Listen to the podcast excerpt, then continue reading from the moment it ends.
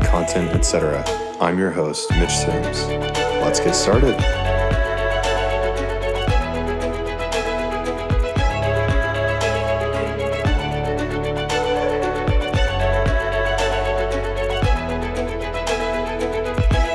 First, to go through and start out, thank you all for joining us, and especially you, Summer. Thank you very much for uh, offering to go through and jump on with something that's brand new, semi untested. Uh, Christy was the first one to walk over the hot coals, and I appreciate you being second. Uh, to start out, how's your morning going? Oh, well. there you go. Cheers. Cheers. I got up and promptly caffeinated. I see some coffee cups. How's yours? I was going to say, I, am doing all right. I woke up a little bit early this morning. Um, I was supposed to have this fancy microphone uh, for the conversation with Christy, and it didn't come in. So I got nervous and had to get to the office early to make sure that it was tested right. I wasn't going to blow anyone's eardrums out. Um, but you know, outside of that, it seems like a typical morning with about three cars on the road on my uh, nice little two mile long commute to work. So. Nice. It's a ghost town out there. It is. It is. Well, guys, welcome everybody to Coffee Content Etc. this morning. Uh, we're going to go through and interview our. Um, we're going to go through and interview Summer Wires.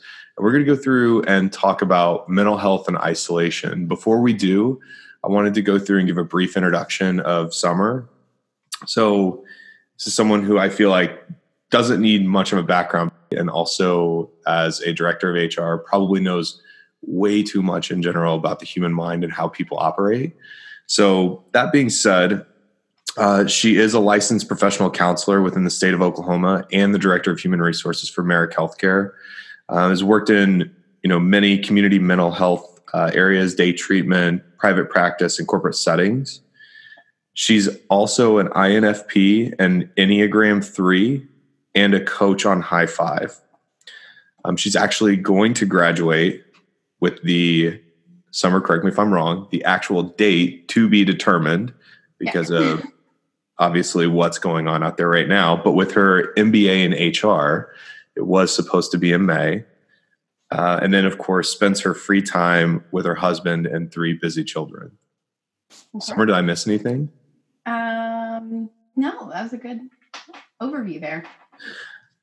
so kind of the overview for today um, really what i'd like to do is just have a general conversation around you know mental health especially in the area of isolation. Um, right now when we're all sitting at home we're taken away from the typical way that we go through and communicate with one another um, whether it's in the office setting you know seeing people at our you know local convenience stores on our way to work you know whatever it might be it's a little bit uh, it's a little bit more challenging for a lot of us that aren't used to going through and working from home. And so to start out for our uh, audience today summer just give me kind of a broad overview of what is mental health. So I, mean, I think that's a great question because we hear that buzzword quite a bit especially in the media. Um, basically mental health is made up of our feelings thoughts and behaviors and it involves um, ourselves as well, well as others because it has to do with our internal psychological state as well as our social interactions. Um, so if you're human, chances are your mental health has taken a lot of ups and downs throughout the years, whether or not one is aware. And really, I feel strongly that we should be looking at mental health the same way that we look at physical health. Um, it's pretty, okay. pretty much a, a brief overview of mental health. So that leads me into, you know, another point, you know, with physical health, you know, we go in, we get flu shots, checkups, you know, all these different things, whether they're annual, they're seasonal, to go through and make sure that we can continue working day to day. So eh, help me understand why is taking care of mental health important? Denying mental health is, is a priority can produce a lot of negative consequences. And um, by trying to push feelings away or even make them bigger than they are, we tend to slip into negative thinking.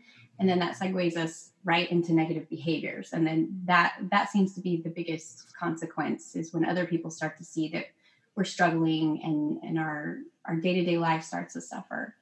But really the real story here here is that I, I feel like a lot of times the only reason that most of us actually do something about our mental health is because someone that we love or organization might be affected negatively. Um, I always tell clients and employees that it's like this when you're on an airplane, they always tell you to put on your oxygen mask before assisting others. If you think about it, that's because if you pass out, you're no good to anybody. So if we don't take care of ourselves, we can't take care of others. And sometimes um, we can go along in life believing that we have to sacrifice ourselves constantly. But what we need to do is um, really pay attention to ourselves so that we are giving the best version of ourselves to others. It's not really even about us. Wow, that was a wonderful and powerful analogy.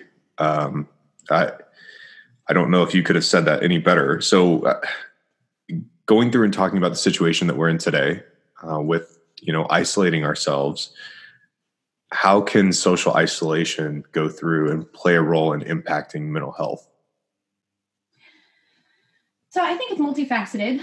Um, what seems maybe obvious is that we need people in our lives. Um, the company of others has the ability to reassure us. Um, but also, at the core of this situation, this is stressful.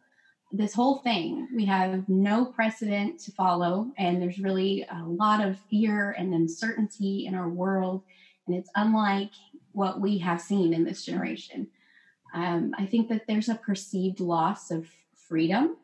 Um, several people that I've talked to really don't understand why all of this is happening, even people that are really well informed. I, I think everyone's kind of confused and just kind of scrambling to do their best. And I think anytime that we feel out of control, our mental health can suffer. Um, even people that are true introverts that appreciate the time that they are spending away from people might struggle because it's a routine change. Now, I'm an INFP, the I means introvert, but I, that really um, is characteristic of an introverted extrovert. I need that time with people, I enjoy quality time, but when I'm done, I'm done. And um, that's why I feel like I am personally struggling right now, is because I don't have an escape. Um, feeling a little bit trapped at times, but um, there are ways to combat that. And um, maybe you have some questions about that, Mitch. Yeah. So I was going to say, tell me, you know, right now in you know an area of isolation, what can we be doing to go through and be proactive about taking care of our mental health? So you cut out just a little bit, but I think you said something about being proactive and taking care of ourselves. Is that correct? You got it. Okay. Um, I think I have a long list of that, um, but at its at its core, I think it's really important to realize that we need to be proactive in preventing mental health issues. Um, let's compare it to a physical ailment. Let, let's talk about COVID nineteen. We need to work hard to wash our hands and stay away from others to prevent this coronavirus. Now, if we happen to get the virus, we need to work to treat it right? We can do all we can to prevent it, but we may get it. Um, the prevention piece is something to work toward. Um, everyone is different. So some of these may be fluff to you, um, some of these ideas that I might have. But um, I think the point is that uh, we really need to spend time figuring out what strengthens our mental health. We have an opportunity to do that because we have some extra time that we're not filling with commutes and other things that we would be doing if we were out and about. excuse me, my allergies are also bad. Um, You're okay. These are, it's not Corona. Um, these are some ideas that I have. Um, I guess uh, I could say that we really need to learn more about relationship boundaries and put them into place uh, to protect our mental health.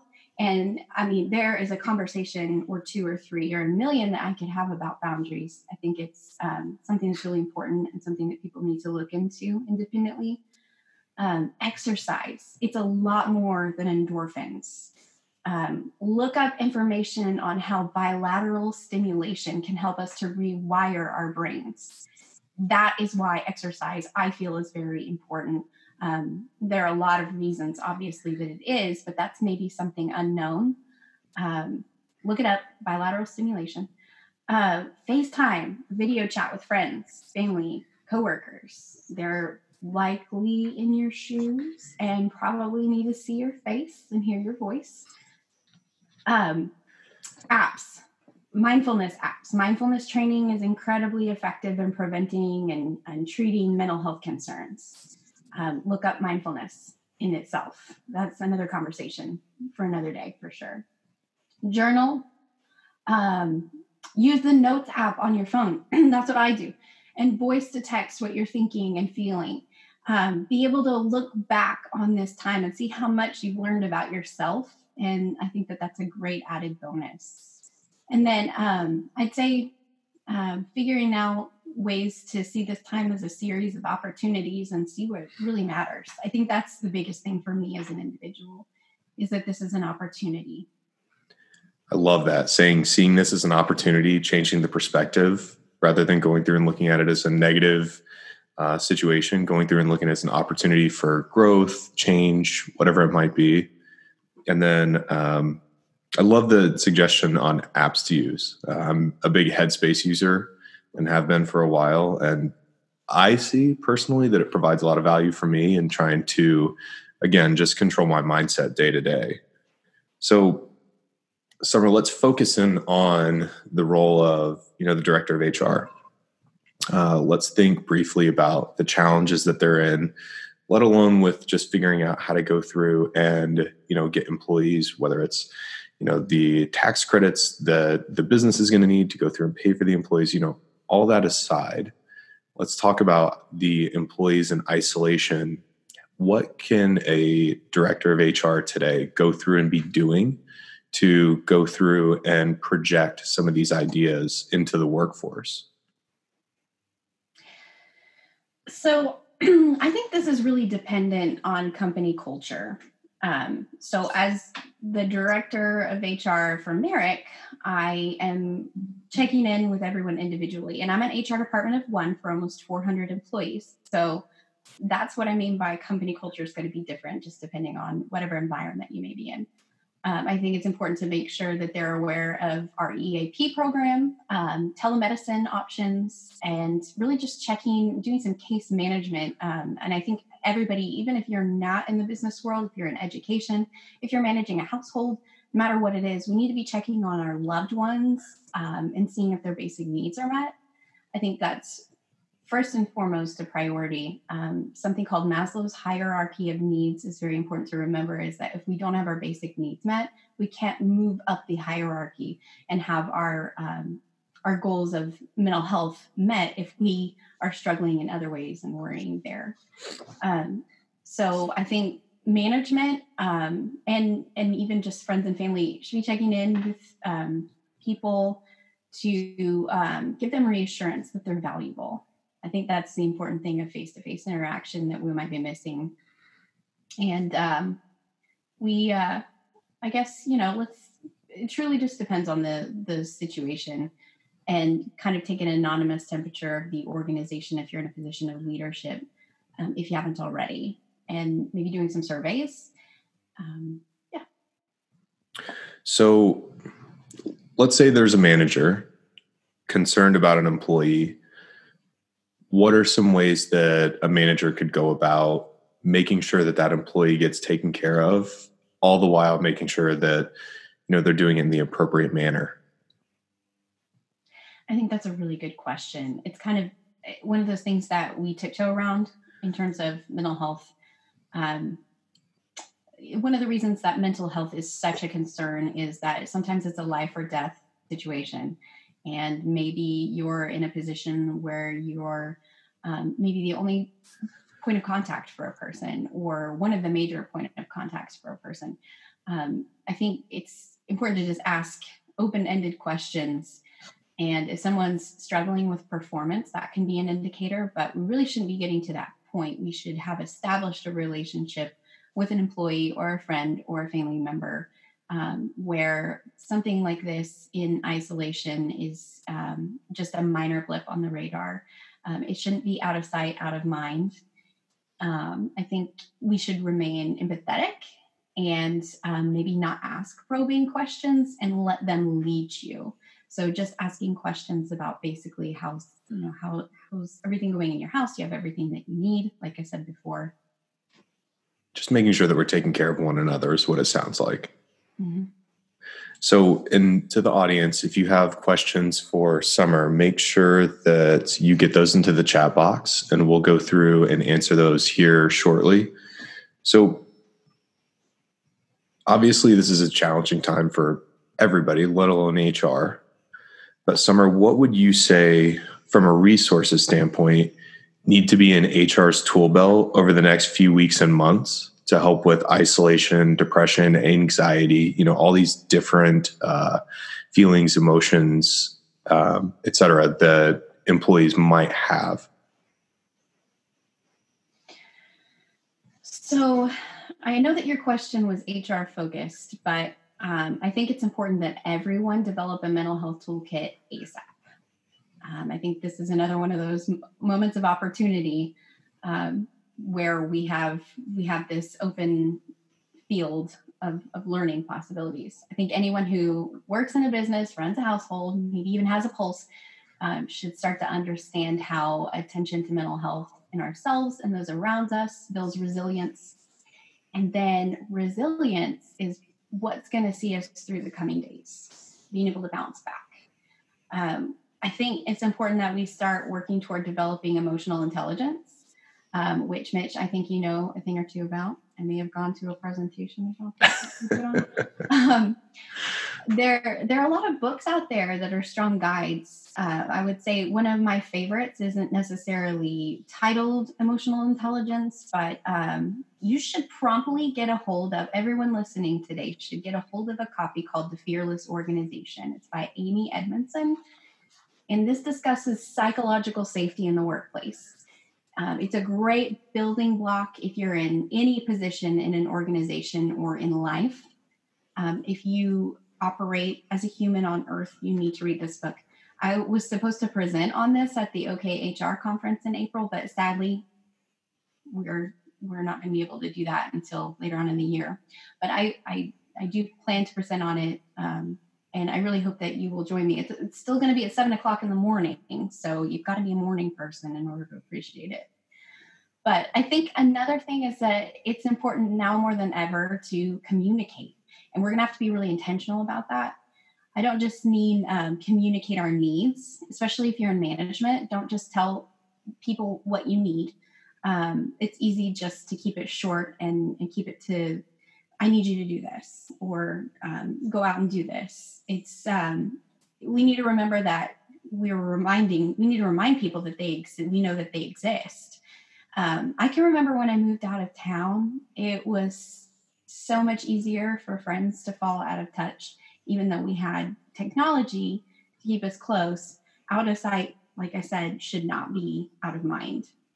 And then I think um, we should remember that you know mental health issues can lead to serious life-threatening issues, um, especially in terms of employment. There is a lot of um, job loss going on right now, and a lot of us maybe listening to this conversation right here might might be involved with that. That's that's the sad part. And that that can be difficult for us to witness, but um, it's important that we're offering them every every tool that we can. If we've got an EAP, um, we've got other community resources that can help with prevention of self harm, suicide. Um, you know, even looking out for um, just anger issues, just really paying attention to detail and people and caring because layoffs are happening, uh, but it's that resilience that I talked about um, that we, we need to help people build and build within ourselves that will help us bounce back. So, Summer, that was a wonderful wrap up. And I almost feel like I'm cheating you asking you this question next. But on top of that, is there anything else that you would add? Well, I mean, um, gosh, we could talk for a long time about this, but um, I think it's important that we talk a little bit about the the working from home specifically. Um, we don't have any final stats, obviously, because this is we're we're still in this um, on what the pandemic has pushed into practice. But Um, I think we know that a lot of people are working from home. Uh, there was a study in late 2019 that I uh, came across, and it said that 62% of workers said that they could work from home if needed. So, if that gives us a picture of how many people might be working from home now that didn't before, uh, that's a really big percentage knowing that someone can work from home. They likely are right now. Um, plus, working from home means more work.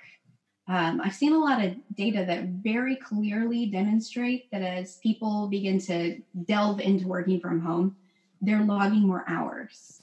Some data points say that there's like a 40% jump in our work days. And it can be for a variety of reasons. I mean, we don't really know yet, but um, I think there need to be boundaries that we need to set in our remote work. Um, we're not going out and living life the same way, and there's no real hardline separation between what we do and who we are. And it's, it's safe to say that this can probably impact our mental health in terms of identity. And who are we if we don't have our careers? What escape do we have if we're isolated? Work. And we need to draw those lines if we want to experience a more balanced way of life. Um, going outside, just going outside, going in, in your backyard, on your balcony. Um, if you do have children, um, maybe finding something for them to do independently, um, just changing up your routine and, and reminding yourself that you're human during this time, you're not a machine, I think is more important than ever. That was wonderful. Um, so that book again is the Fearless Organization for everybody that is uh, attending and listening to Summer. I'll go through and buy a copy for you guys. We'll send out a survey and get a uh, some contact information so we can make sure and send it out for you guys. But um, that book sounds wonderful. I haven't read it yet, Summer, but I look forward to it. Uh, feel free, guys. Uh, this is going to be your last chance to go through and ask questions for Summer. So, uh, Summer, can you tell us a little bit about the work that Merrick does?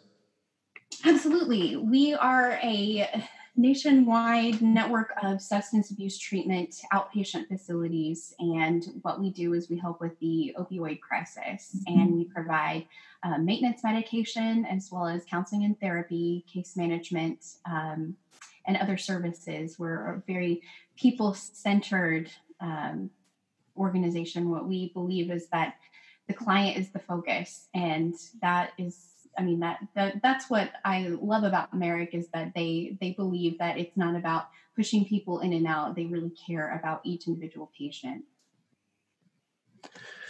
So, Summer, we have a question here. So, what do you think it is as far as the role of the organization to establish more clear boundaries between work life balance? And I'm assuming that that means as we're working from home currently.